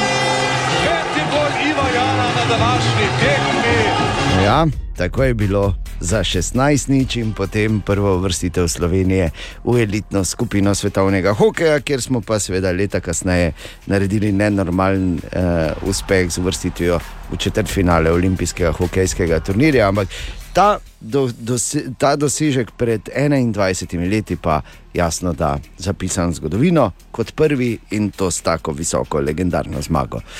Še imam zdaj malo kurjo kožo, ko se spomnim. Verjamem. Ne? Ti tudi, Bor, ne? Še enkrat želimo dobro jutro. Dobro jutro. In če kje velja, da maestro vedno popusti pod pritiski publike, to velja pri nas zjutraj na Radio City. In tako sem dobil kar nekaj prošen, moram reči, tako zasebno kot čisto uradno na naš e-mail ali na naših družbenih omrežjih, da bi bilo res fino, da bi še enkrat zavrteli Mariborsko basen. eh, Ki je svojo premiero doživela včeraj, v resnici reporterja Milana, 10 minut pred deseto. In kdo sem jaz, da stojim na poti tem željam? Nihče, kot sem dejal, maestro vedno popušča pod pritiski publike. Evo ga. Za devetimi gorami in devetimi vodami je živel en mito. Živel je v gozdu, ki sicer ni bil njegova last, a obnašal se je, kot da je. Svoj brlog si je zgradil ob potoku, postavil mlin in čez potok mostiček. Ampak to mu ni bilo dovolj. Zato je lepega dne zbral bobre in jim ukazal. Alo, Bobri, dajte mi še dva mosta tu prek nared, ne da skačem kot tele prek potoka, veš, da sem nekaj spahno. Vse skupaj pa je poslušala lisica. Čuj, Medo, ne bi bila rada nekaj vsiljiva, samo kaj ni en most dovolj. Kdo te tebe, kaj vprašal? Za sebe se brigaj, pa mi med plače, kaj si mi dolžna. Prase, lisica. Nekega dne, ko se je odpravljal na rekreacijo na bližnjo jaso, je opazil štiri mlade zajčke v borovnicah. Alo, zajci, kaj je z vami, marš domov? Vse boste potancali. Če trgaš borovnice, je bojej, ne pa da skačete, ko majmuni tu gor. Kaj je stari, borovnico imaš ti veški? Evo ti borovnica, sedi se mi na šapico. Alo, zadnjo pozorilo imate, zajci, marš domov. Ti boš govoril, ja, kaj ti misliš, da me ne bo rekel, lape, lape. Sem pridi, sem pridi. Ne, Medo, Medo, ne morem dihati. Medo je zagrabil najbolj razposojenega zajčka za vrat in naredil red. In v gozdu je završalo. Volk je okoli sebe zbral isto misleče in krenil na medota. Medo, gledaj, zdaj pa vse kaj prav, šel si preko meje. Jaz mislim, da ne moreš biti več šef te šume. Pa kaj je s tabo, je volk? Pa kdo te meni kaj more v toti šumi? Ja, imam tako dolgo šef, dolgo bom jaz rekel, ti je jasno to? Od nekod pa se je vzela tudi srna, ki je ves incident z zajčki tudi bojda videla. Ja, zajci so drhali, če ne bi imela bergle, bi jih tako sama stukla. Oglasil pa se je tudi Ata Zajec. Glej, jaz ne vem, kaj drugi mislite. Samo da je to moj zajček. Jaz se spremenim v kenguruja, pa mu dam taka dva direkta, pa en kroše, da do 15 znal štet. Čuj, zajec, se pa te bil tvoj zajček. Kak moj? Ja, en od tvojih je bil. A ja? Dobro, te ne bo za prvič. Ja, če si rekel, daš kenguru. Ja, pa viš, da mi seka dela, pa ne mu v PR-u, ne morem za prvič že tako narediti. Kako se bo vse skupaj končalo? Bo medo ostal še v gozdu ali bo oblast prevzel volk? Ali bo srna ozdravila? In ali bodo zajčki še naprej tancali borovnice? Vse to v nadaljevanju naše basni. O, Tine! Ja, če se ti četrtek ne odvija po načrtih, imaš težave ali pa nasplošno ne najdeš prave energije, imamo rešitev. O, Tine! ja, hvala. O, Pa brez Tine. pritiska, ne? Jutro. Brez vsakega pritiska. Jaz mislim, že rekel, če imaš vse to našteto, ne? Pol si ti ne? Zmišljaš tak... eh, Ne, zakaj bi jaz Ja, tako no, slabo govoril? Tine, ti si prinašalec. Ne, ne rekel luči, Zlati, zato ker Ja. Ljubezni, sreče in Dogoški. veselja, recimo. Ne? kamniški, v bistvu prinašalec. Ne, eh, prinašalec luči, vemo kdo je in ima, je na zelo slabem glasu. Ma pa serijo na Netflixu. Ja, nisem gledal. Ok, Katja je. Torej, uh, Tine, kaj imamo danes? E, enih par zanimivosti, tako na hitro filmskih. No, če ste opazili ali pa ne. E, to ne vem, če sem mislim, enkrat že povedal, ampak v filmu Fight Club je v vsaki sceni, ki jih ni malo, Ja. na nek način e, skrita e, šalca Starbucks kave. Resno. ali je na tleh, ali jo ima kdo v roki, ali je na mizi, ali je zmučkana na tleh. Skratka, jaz ne bom šel to gledati. Še enkrat. Še enkrat. Tega. Jaz ne bom to šel gledati. Tine, je pa ena zanimiva stvar, ko si rekel film Fight Club na kitajskem, veš, imajo poseben režim in eh, posebne sorte. Uh, pač uh, se, uh, torej to cenzuro svojo. Ne? In tako so spremenili konec filma Fight Club. In sicer ne, tako da so vrezali, da ni bilo tiste zadnje scene, ampak so samo napisali, da je potem on šel na zdravljenje v psihiatrično bolnico in da je zdaj z njim vse v redu. Ne, Ja, res. ja, ja, ja dejansko. E, pol, če hitro gremo dalje v trilogiji Boter, so pomaranče napoved smrti. Ja. Uh, dobro, spomnimo se pač scene, ko je Marlon Brando tam s pomarančami. S pomarančami ampak v vsaki sceni, kjer se pojavi pomaranča, ali je to na v skledi, na mizi, ali je to v kozarcu, kos pomaranče, tisti, ki drži pomarančo, ne bo več dolgo ne. Tako da, če so, če so mu dali, čuješ, Joe, ti pa imaš pomarančo v roki ta, v tej sceni. Oh, a, pa zakaj? šel Oskar. Toy Story v Sidovi hiši je rdeča preproga, ki je identična kot tista v uh, horror klasiki The Shining. Daj nehaj. Viš zdaj? wow. E, to pa e, še eno imam, Inception, se spomnimo filma. Ja. Inception e, Vrhunski. traja 2 uri 28 minut. Ja. Kar je uh, uh, referenca uh, pesmi, naslovni, eh, Non je ne regretterai. Ja, ja, od, uh, Od, eh, Edith Piaf. Edith Piaf, ki traja 2 minuti 28. Bravo. Bi pa samo rekel, da ja, traja film 2 uri 28, pa mesece pol še ga predeluješ. tako da ni- Ni konec po koncu. Zelo zanimivo, ti ne hvala ti. Prosim. Vidiš, in je četrtek takoj drugače. 19 Ja, minut pred 8. Samo dodamo Samo še... pomaranci, ne govorite. Ja, to prosim. Ampak dodamo še en velik legendarni hit iz 80-ih, pa imamo zaokroženo zgodbo.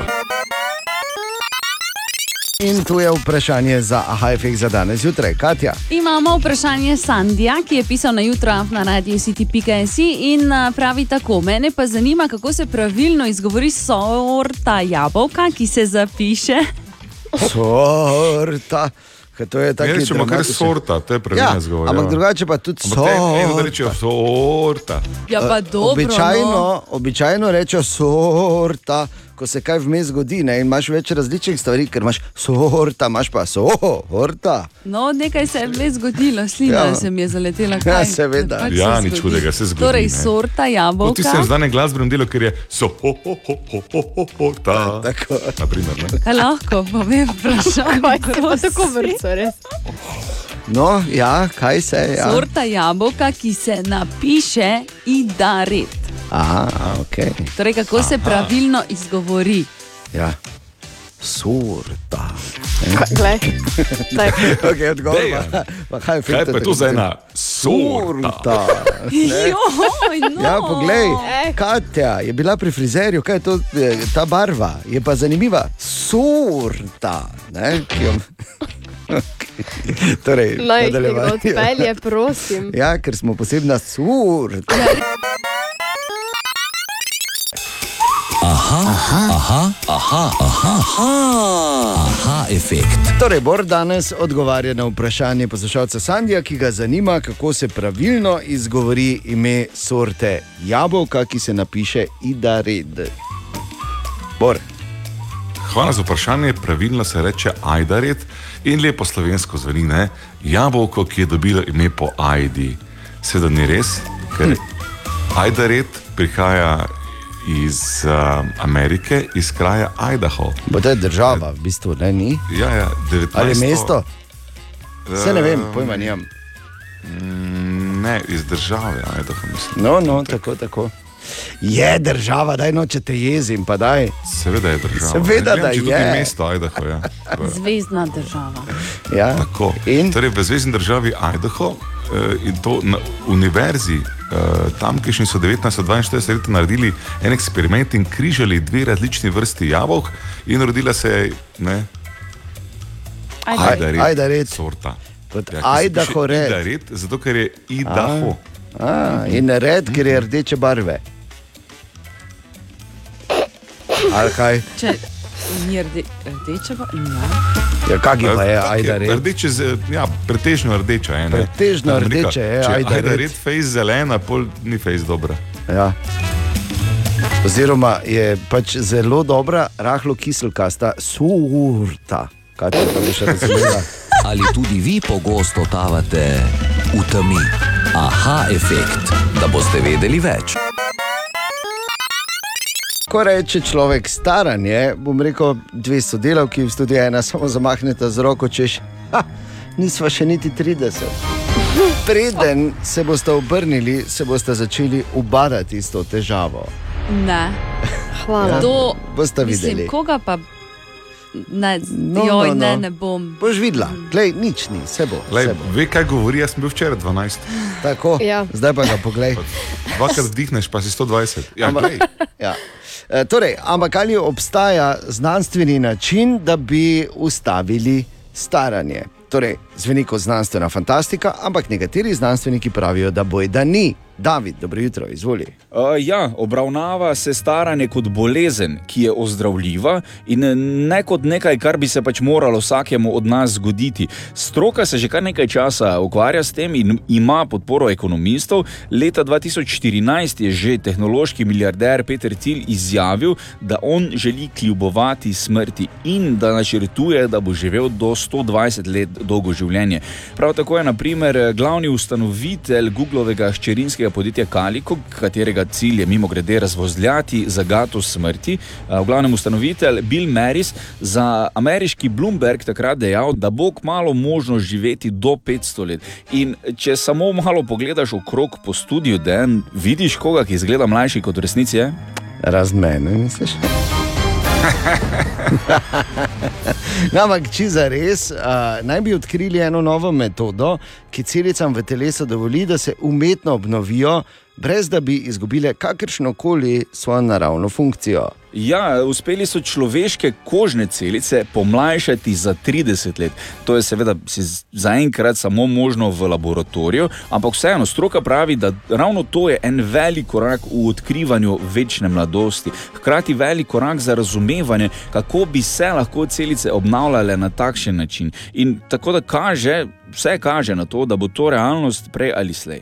In mogoče, če dovolite, da malo zafilozofiram, Če te nekdo vpraša, bi rad živel večno, bi, malo kdo bi verjetno rekel, ne, jaz želim, da se moje življenje konča. Verjetno malo kdo predvidevam.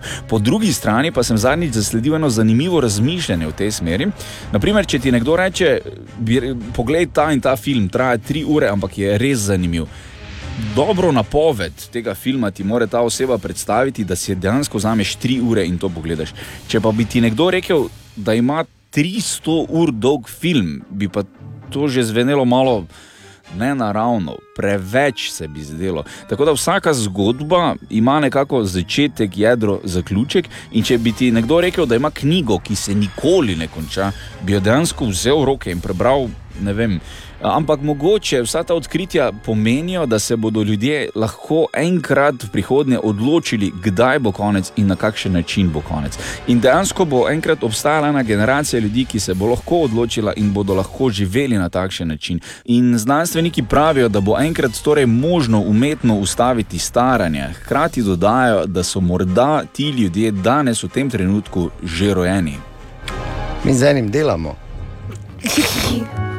Ne, ampak eh, brez heca, če so taki ljudje, ki, pri katerih bodo s pomočjo znanosti ustavili staranje že rojeni, je jasno predvsem eno, da imajo fuldnara. Mi pa pač to, kar imamo, ko pogledamo v gledalo. daj. Ja, no, tako je. In ko človek tako malo lista po naslovih, dan za dnem, uh, nekako najdeš lahko vse sorte stvari.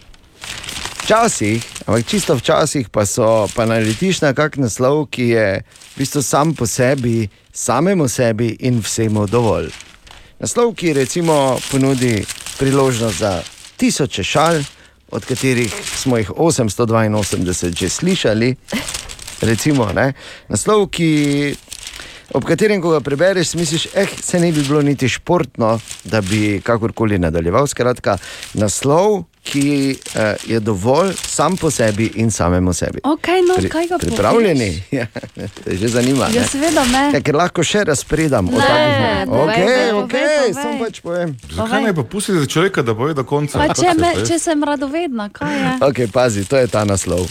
Ste si zapomnili vse, kar sem prej povedal? Povej, ne rabim še enkrat. Okay, dobro. ja, torej, to je naslov, bi delali s konji. In je treba, uh, treba je, ne gre, ne, enostavno ne bo šlo mimo enega dogodka, ki se je zgodil včeraj. Okay. In sicer vemo zdaj velike finale uh, vseh teh pritiskov, ki smo jih bili deležni v predvolilnem obdobju, se, prikli, se približuje. Torej, to nedeljo državno-zborske volitve, odlično, kmalu, hvala Bogu, volilni mok. Tako da danes še Hvala Bogu, ja. Načeloma še je danes treba stisniti. Ne?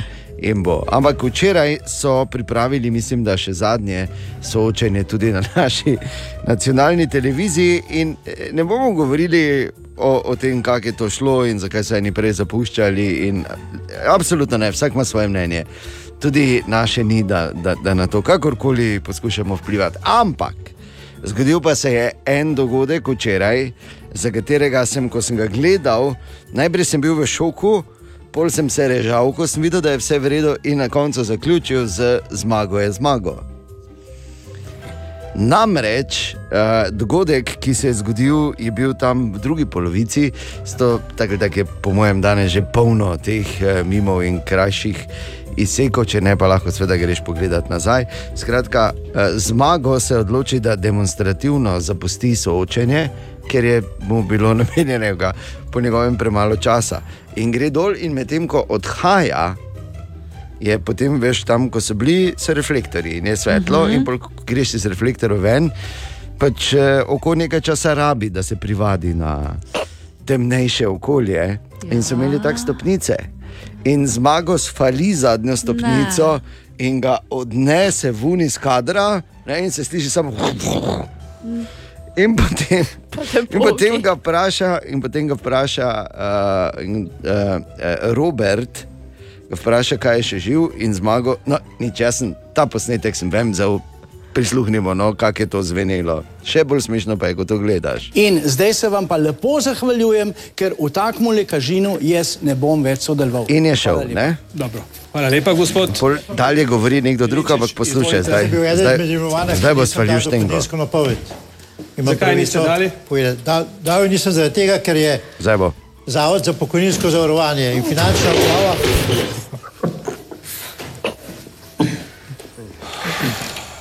Vse v redu, gospod Jelinčič. E, še živ.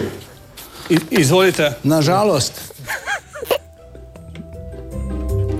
Sam rekel. Sam sebi, Jaz, ne, ne, sem sebi, Robert, Aha, ki ga ja, vprašal. okej. A je še živ. Skratka, zmago je še enkrat več, včeraj zmago. In ne glede na vse skupaj, bo to, to šlo zagotovo v, v, v anale. In veš, ko, vsi, ki ste to videli, ali pa smo to videli, ko se je dejansko zgodilo, je bilo več tako, smo imeli skupaj en moment in smo rekli, si imel lahko več občutek, to pa je zdaj zgodovina.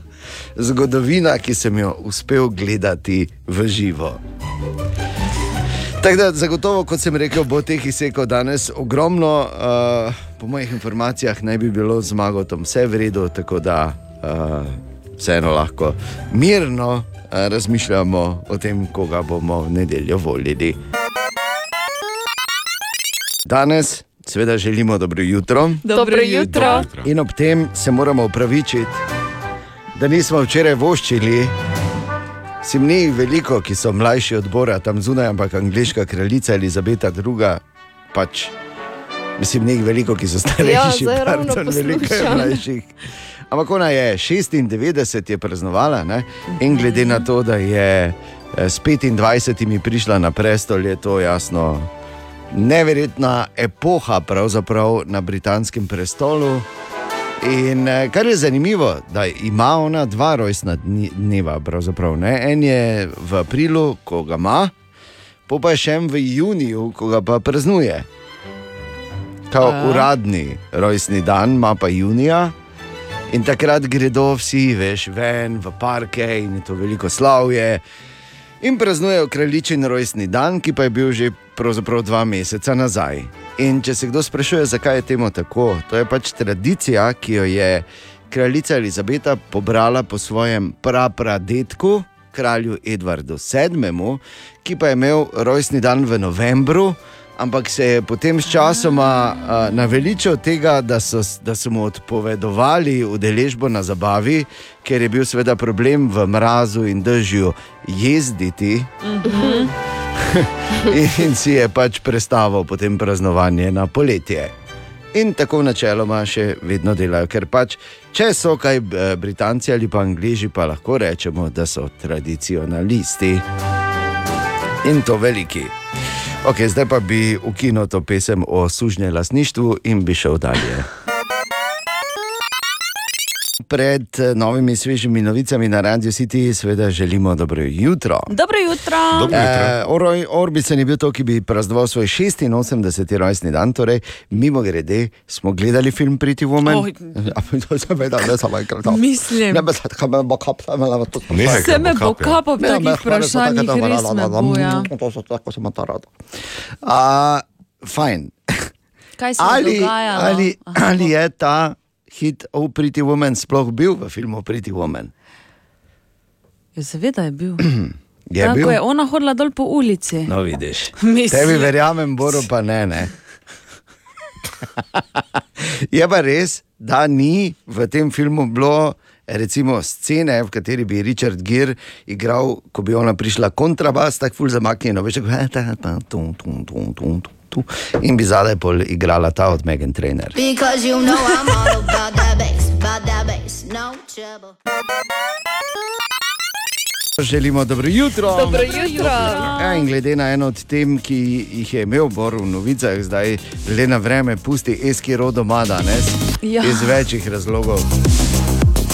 Sploh pa jaz mislim, da eh, če se ne moreš pelati z njim po zadnji, se ne bi smel voziti. Se po zadnji Ja. peleš, te obvladaš. Ne? Se mi- Kaj, če ne zad- bi? Smo se po Ja. zadnji vozili, smo obvladali, se veš. Ne? Bremzaš pa na sprednjo gor. Na hop, električnem. Seveda, Kaj če res pa ne, ne, gor ne rit, hop. počnite tega doma? skočiš, hopa, narediš ne, 360, greb, ne vem kaj so še, full flip. Ne vem kaj, ne znam, ne znam teh izrazov, pa mala dva to vladata v eno, pa mi razlagata, kaj delata. Pa. Fejki, full. Pa ne z električnim, ne? Električnim, Ne, ne, ne z električnim. ampak Ne, ampak pravim, da bi to morali, eh, se vseeno, ne razumete bistva, s kom jaz delam tu, ja, Ja, da mi nekdo to. Petek je in petek je dan za skoraj nemogoče vprašanje. Torej, tako, da se vprašamo malo, da vidim, kak je zgodovinski spomin, kdo je zmagal na zadnje. Zadnjih nekajkrat misliš, Bor ne? Je zmagal zadnjih trikrat. Ja, tako. Borgrajner. To je bilo moje drugo vprašanje, kdo pa je pred zadnjim zmagal. Ja, pa sem se rekla trikrat. In tretje, kdo je, kdo je pred, pred zadnjim zmagal, ne? To je mm, šampion šampionov, me Ja, zanima. Dobro, to je pa, To je pa naše Šimček, ne, to je tezensko pa meso. Ne, ne, to je Ana, to je jasno. Ok, zdaj ste se dovolj hvalili, simpatija? Glej, jaz Ok. sploh nisem nič rekla. Dobro. Jaz sem samo tiho. Mene kar malo trese. Tudi danes velja, da je uh, skoraj nemogoče vprašanje morda bolj spektakularno od odgovora ali pač. In tudi tokrat velja, da je bilo narejeno v Evropski uniji, oziroma na statistiki, ki izhaja iz Evropske unije, gradimo. In tudi tokrat, seveda, velja, vsak ima tri poskuse. Ne, pet poskusov. Ne, kaj nam je od danes, od danes je tri. Ne, pa, Ja, tako sem se odločil. probleme. Zadnji, zadnji dvakrat Da tri težke. Bom videl, bom videl, kakšni bodo tri poskusi, mogoče dobite dodatne. Trije Okay? so, da se segrejemo. Skoraj nemogoče vprašanje za danes pravi takole.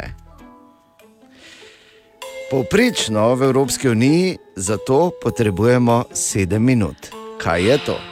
Tuširanje. Nope.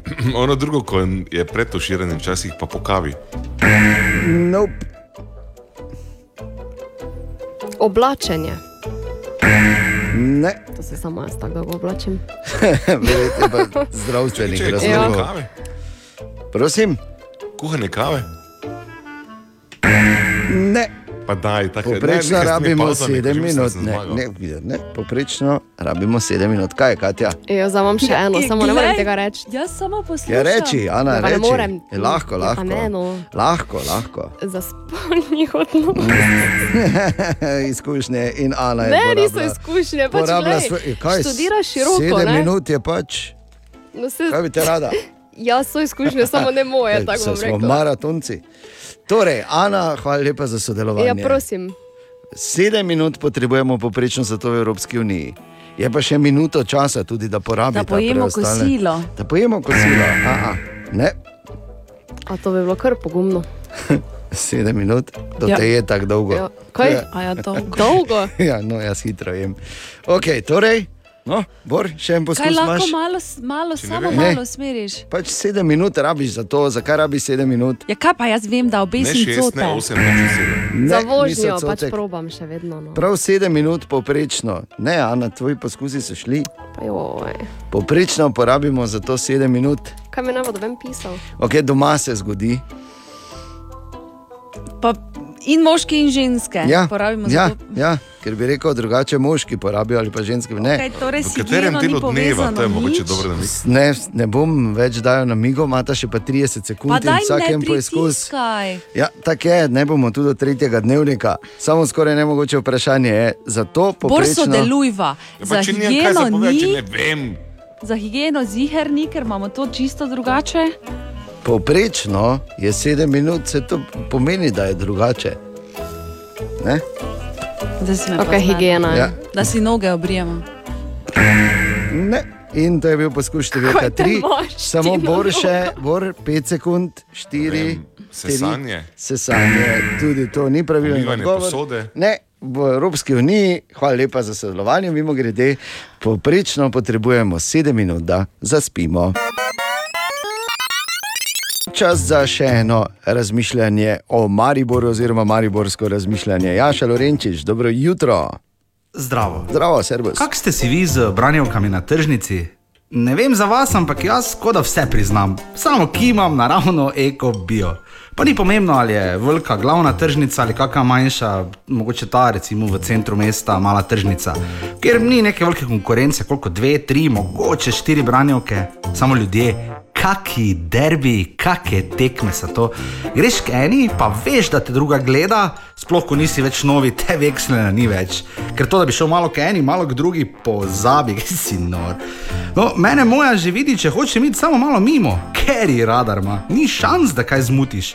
Ona že prileti ven ob sedmi zjutraj ali pa tik pred povdnevom, dež, sneg, sonce, tornado, nima veze. Koliko redkve boš imel?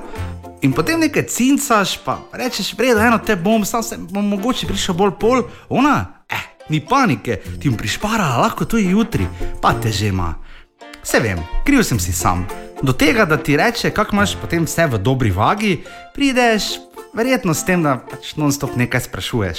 V eno, pa kako to sejete, pa kira sorta je, pa kak nam kaže vremenska pratika, ono pač da ne izpadeš neki zadnji centraški betonski lolek.